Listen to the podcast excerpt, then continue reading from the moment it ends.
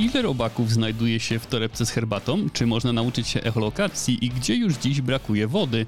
Arkadiusz Polak, dzień dobry. Zaczynamy kolejny odcinek podcastu Naukowo, w którym opowiem również o tym, co się dzieje w naszych mózgach podczas niespodzianek i jak zrobić z jemioły klej, który użyć można w medycynie. Na początek tradycyjna prośba o udostępnienie tego odcinka. Subskrybujcie podcast na YouTubie lub platformach podcastowych, aby nie przegapić kolejnego odcinka. Polecam Waszej uwadze również nasz Discordowy serwer oraz mój profil w serwisie Patronite, gdzie możecie wspierać moją działalność. Wszystkie linki znajdziecie w opisie. Startujemy. Jeśli pijecie teraz herbatę zaparzoną z torebki lub suszonych liści, to ostrzegam, ta informacja może być lekko niesmaczna. Jak wynika z badań opublikowanych w czasopiśmie Biology Letters, liście herbaty zawierają śladowe ilości DNA bardzo zróżnicowanych gatunków owadów z całego świata.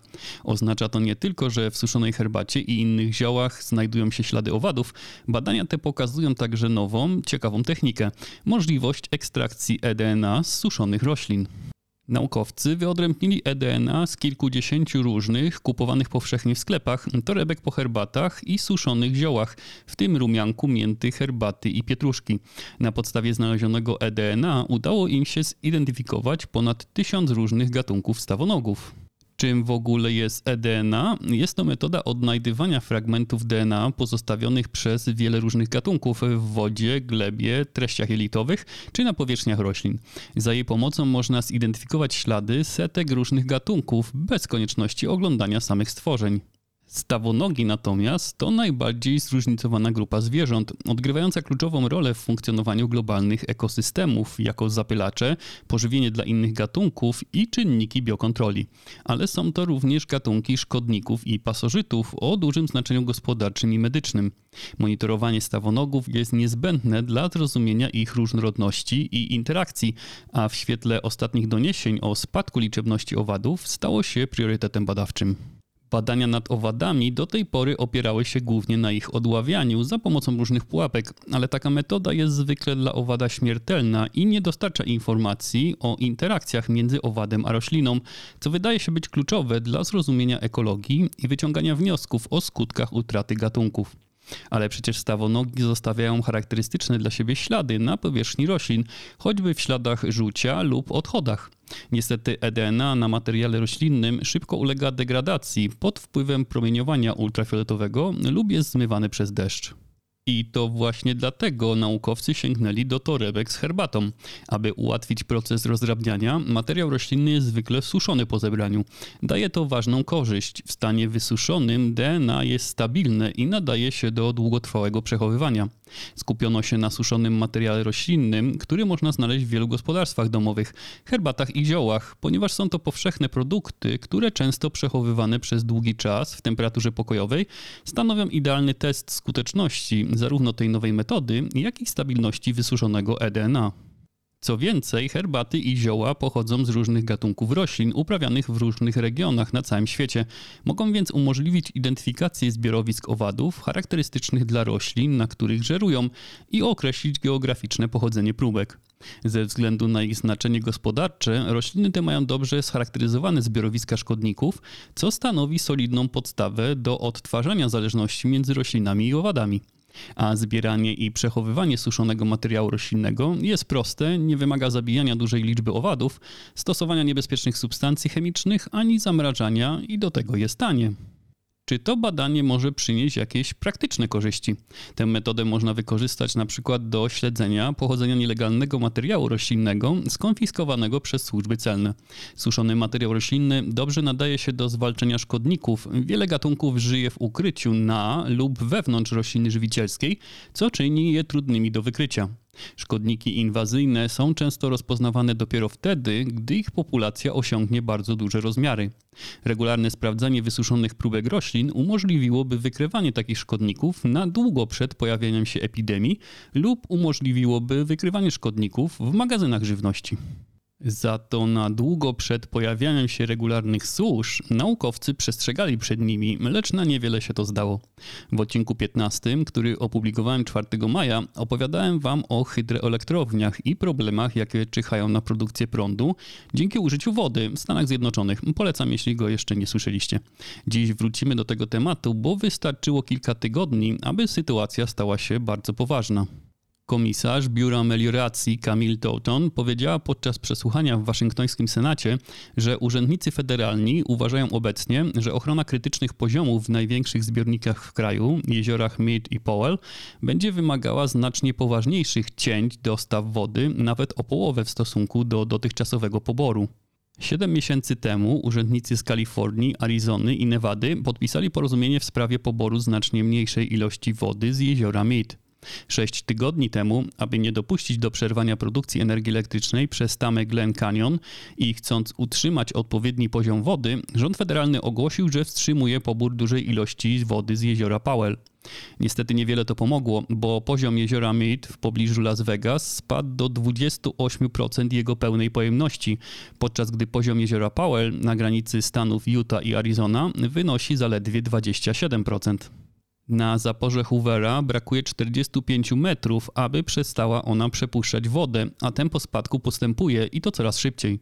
Około 80% przepływu rzeki Colorado jest wykorzystywany w rolnictwie, a większość z tego to uprawy roślin wymagających dużego nawodnienia, takie jak lucerna siewna, która jest uprawniana głównie jako pasza dla zwierząt hodowlanych. Biuro Melioracji nadal rozmawia z władzami siedmiu stanów, które są uzależnione od rzeki Colorado, chcąc zredukować pobór wody w ciągu następnych 60 dni, a Departament Spraw Wewnętrznych może wymusić te ograniczenia, nawet jeśli władze stanowe nie dojdą do porozumienia. To, o czym ostrzegała nauka od 20 lat, co zbliżało się małymi krokami i co było często obiektem żartów ignorantów, dziś stanowi zagrożenie dla ponad 40 milionów ludzi w miastach od Denver do Los Angeles i na terenach rolniczych od gór skalistych do granicy USA z Meksykiem. Rzeka Colorado, która dostarcza wodę, od dawna jest nadmiernie eksploatowana, a jej zbiorniki drastycznie zmniejszyły się od suszy w 2000 roku. I jak wykazują badania, nie jest to zjawisko tymczasowe, a nasila się ono z powodu globalnego ocieplenia i grozi wyjałowieniem całego południowego zachodu Stanów Zjednoczonych. A tymczasem w Polsce jak ustaliła Najwyższa Izba Kontroli, 40% obszarów rolnych i leśnych w Polsce jest ekstremalnie i silnie zagrożonych wystąpieniem suszy rolniczej, a w dorzeczu Odry ponad 50%. Dotychczasowe działania polityków były i są nadal nieskuteczne, niekonsekwentne i niespójne, co tylko w roku 2018 i 2019 pochłonęło 4 miliardy złotych z budżetu państwa przekazane na pomoc rolnikom. Konsekwencje tegoroczne ogłosił 14 czerwca Instytut Uprawy Nawożenia i Gleboznawstwa. Na podstawie monitoringu dla okresu od 11 kwietnia do 10 czerwca stwierdził wystąpienie suszy rolniczej, a problem taki dotknął ponad połowę gmin w kraju. Pomimo wielokrotnych ostrzeżeń ze strony nauki, politycy w obliczu kolejnych kryzysów zachowują się, jakby były one niemiłą niespodzianką.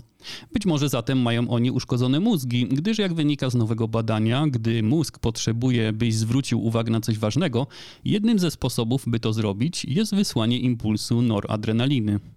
Noradrenalina jest neuromodulatorem, który powiązano z wieloma funkcjami, takimi jak pobudzenie, działanie, wzmocnienie sensoryczne oraz uczenie się. A podczas wykonywania wyuczonych zachowań wpływa też na ułatwianie wykonania zadania i poprawia dokładność jego wykonania. Gdy śpimy, poziom tego związku chemicznego spada, za to w sytuacjach stresu lub niebezpieczeństwa stężenie noradrenaliny potrafi wzrosnąć nawet o 180%. Przy czym wysokie jej poziomy utrzymujące się przez dłuższy czas nie są dla nas korzystne, gdyż prowadzą do większego niepokoju i stanów lękowych.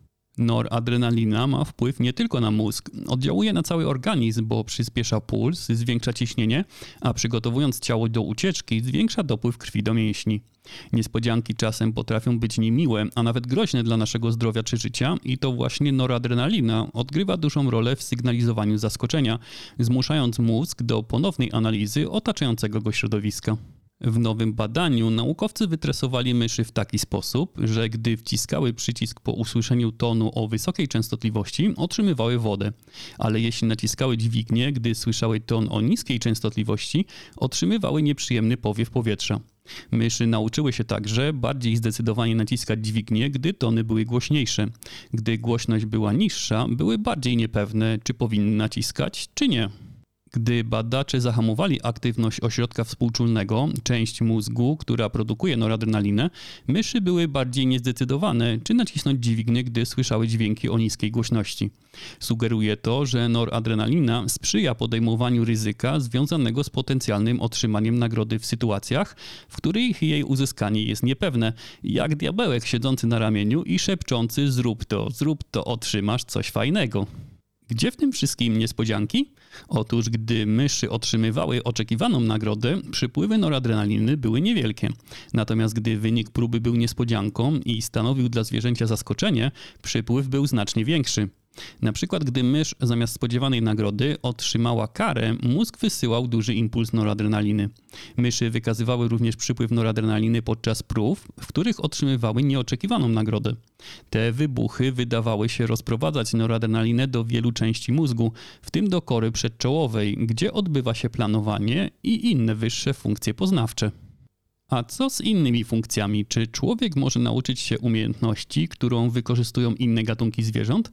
Poznanie czynników, które decydują o tym, czy dana osoba jest w stanie skutecznie nauczyć się nowej umiejętności sensorycznej, jest niezbędne do zrozumienia, jak mózg adaptuje się do zmian. Odpowiedź przynoszą wyniki badań nad wpływem ślepoty i wieku na uczenie się złożonej umiejętności słuchowej, echolokacji opartej na klikaniu, czyli generowaniu dźwięku przy użyciu języka i podniebienia. Wcześniejsze badania wykazały, że osoby niewidome wykazują lepsze umiejętności w odniesieniu do funkcjonowania słuchu przestrzennego. A to od razu przynosi skojarzenia z echolokacją, czyli zdolnością do wykorzystywania odbitego dźwięku do uzyskiwania informacji o otoczeniu, którą w sposób mistrzowski opanowały nietoperze ale także człowiek może nauczyć się i wykorzystywać tę umiejętność, przy czym w naszym przypadku rozróżnia się echolokację pasywną i aktywną.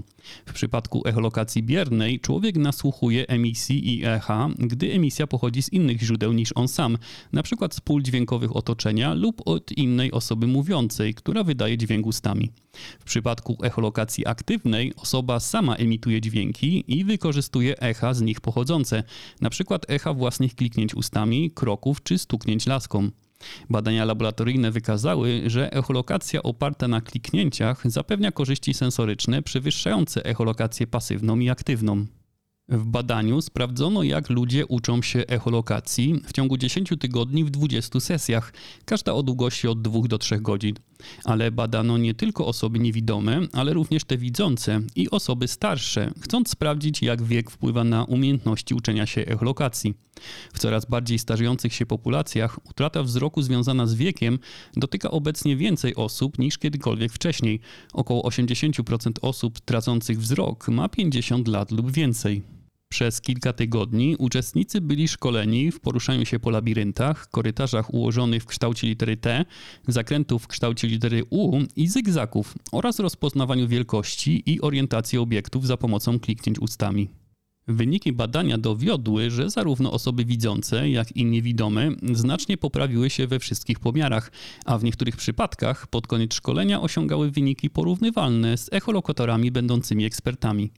Nieco zaskakujące jest to, że w niektórych przypadkach osoby widzące osiągały lepsze wyniki niż osoby niewidome, a więc utrata wzroku nie dała im przewagi w uczeniu się echolokacji opartej na klikaniu.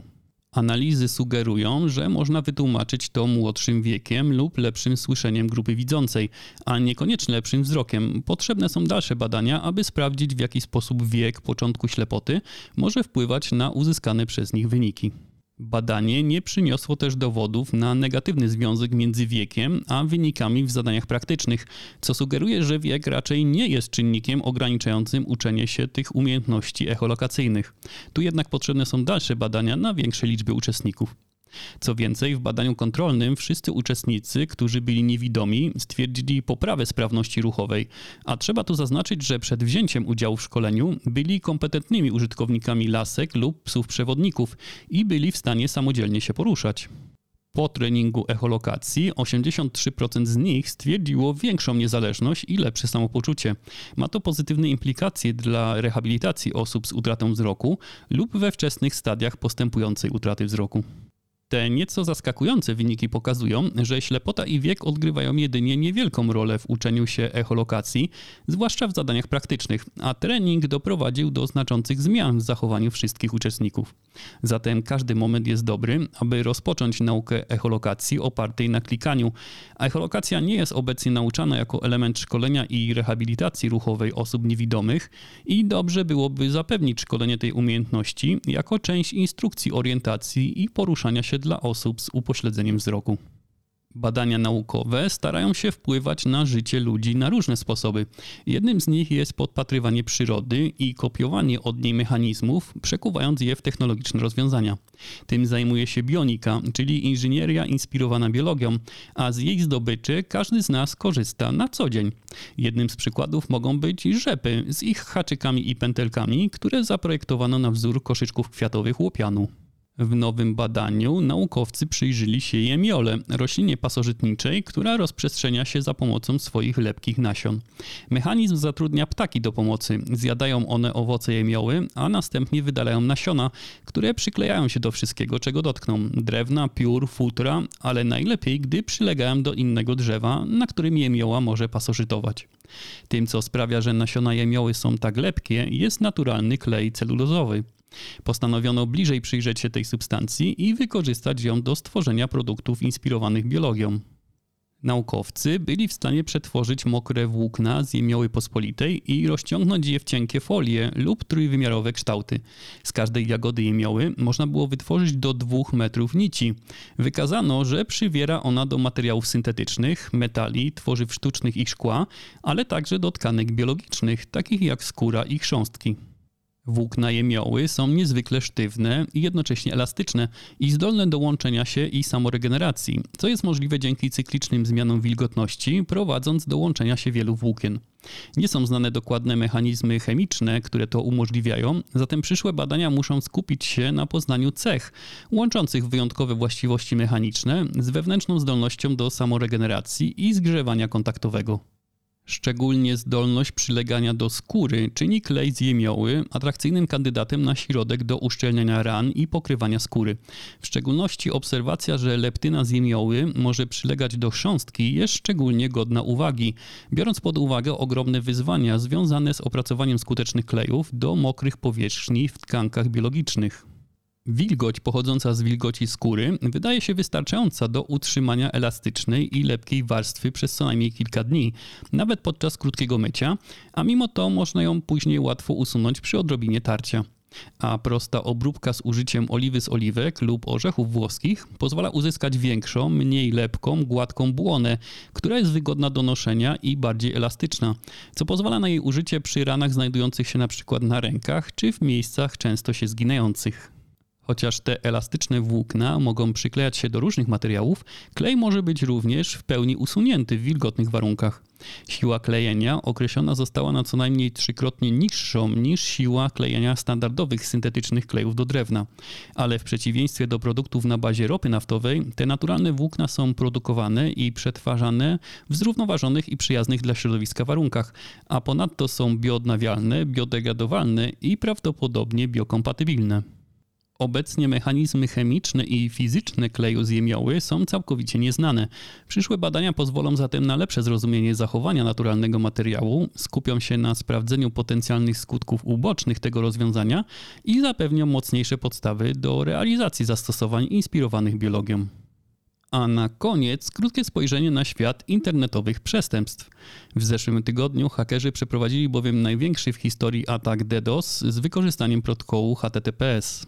Ataki tego typu polegają na zaatakowaniu ofiary z wielu miejsc jednocześnie, zasypując go fałszywymi próbami skorzystania z usług, jakie oferują. Atakowany komputer musi przydzielić pewne zasoby, takie jak pamięć czy pasmo sieciowe, do każdego z takiego pojedynczych zapytań, ale gdy jest ich bardzo dużo, powoduje to wyczerpanie możliwości atakowanego komputera i w konsekwencji przerwę w działaniu lub całkowite zawieszenie usługi. Takie ataki mogą być groźne nie tylko ze względu na przerwanie dostępu do stron internetowych czy systemów bankowych, ale także do infrastruktury krytycznej, obsługującej zaopatrzenie w energię, łączność czy ochronę zdrowia. Firma Cloudflare, specjalizująca się w łagodzeniu skutków ataków DDoS, ogłosiła, że udało jej się zapobiec rekordowemu atakowi, zanim zdołał on wyrządzić jakiekolwiek realne szkody. Podczas tego ataku w ciągu każdej sekundy do komputera ofiary kierowanych było 26 milionów zapytań, które wysłało tam ponad 5000 atakujących komputerów. W ciągu 30 sekund wygenerowanych zostało 212 milionów żądań za pośrednictwem ponad 1500 sieci zlokalizowanych w 121 krajach na całym świecie. Do ataku prawdopodobnie wykorzystano porwane serwery i maszyny wirtualne, a nie lodówki, odkurzacze, żarówki i inne tego typu urządzenia podpięte do internetu, a należące do nieświadomych użytkowników, co także się zdarza ze względu na kiepskie zabezpieczenia takich domowych urządzeń. I to już wszystko w dzisiejszej audycji. Na kolejny odcinek podcastu naukowo zapraszam już w sobotę. Dziękuję Wam za uwagę. Do usłyszenia.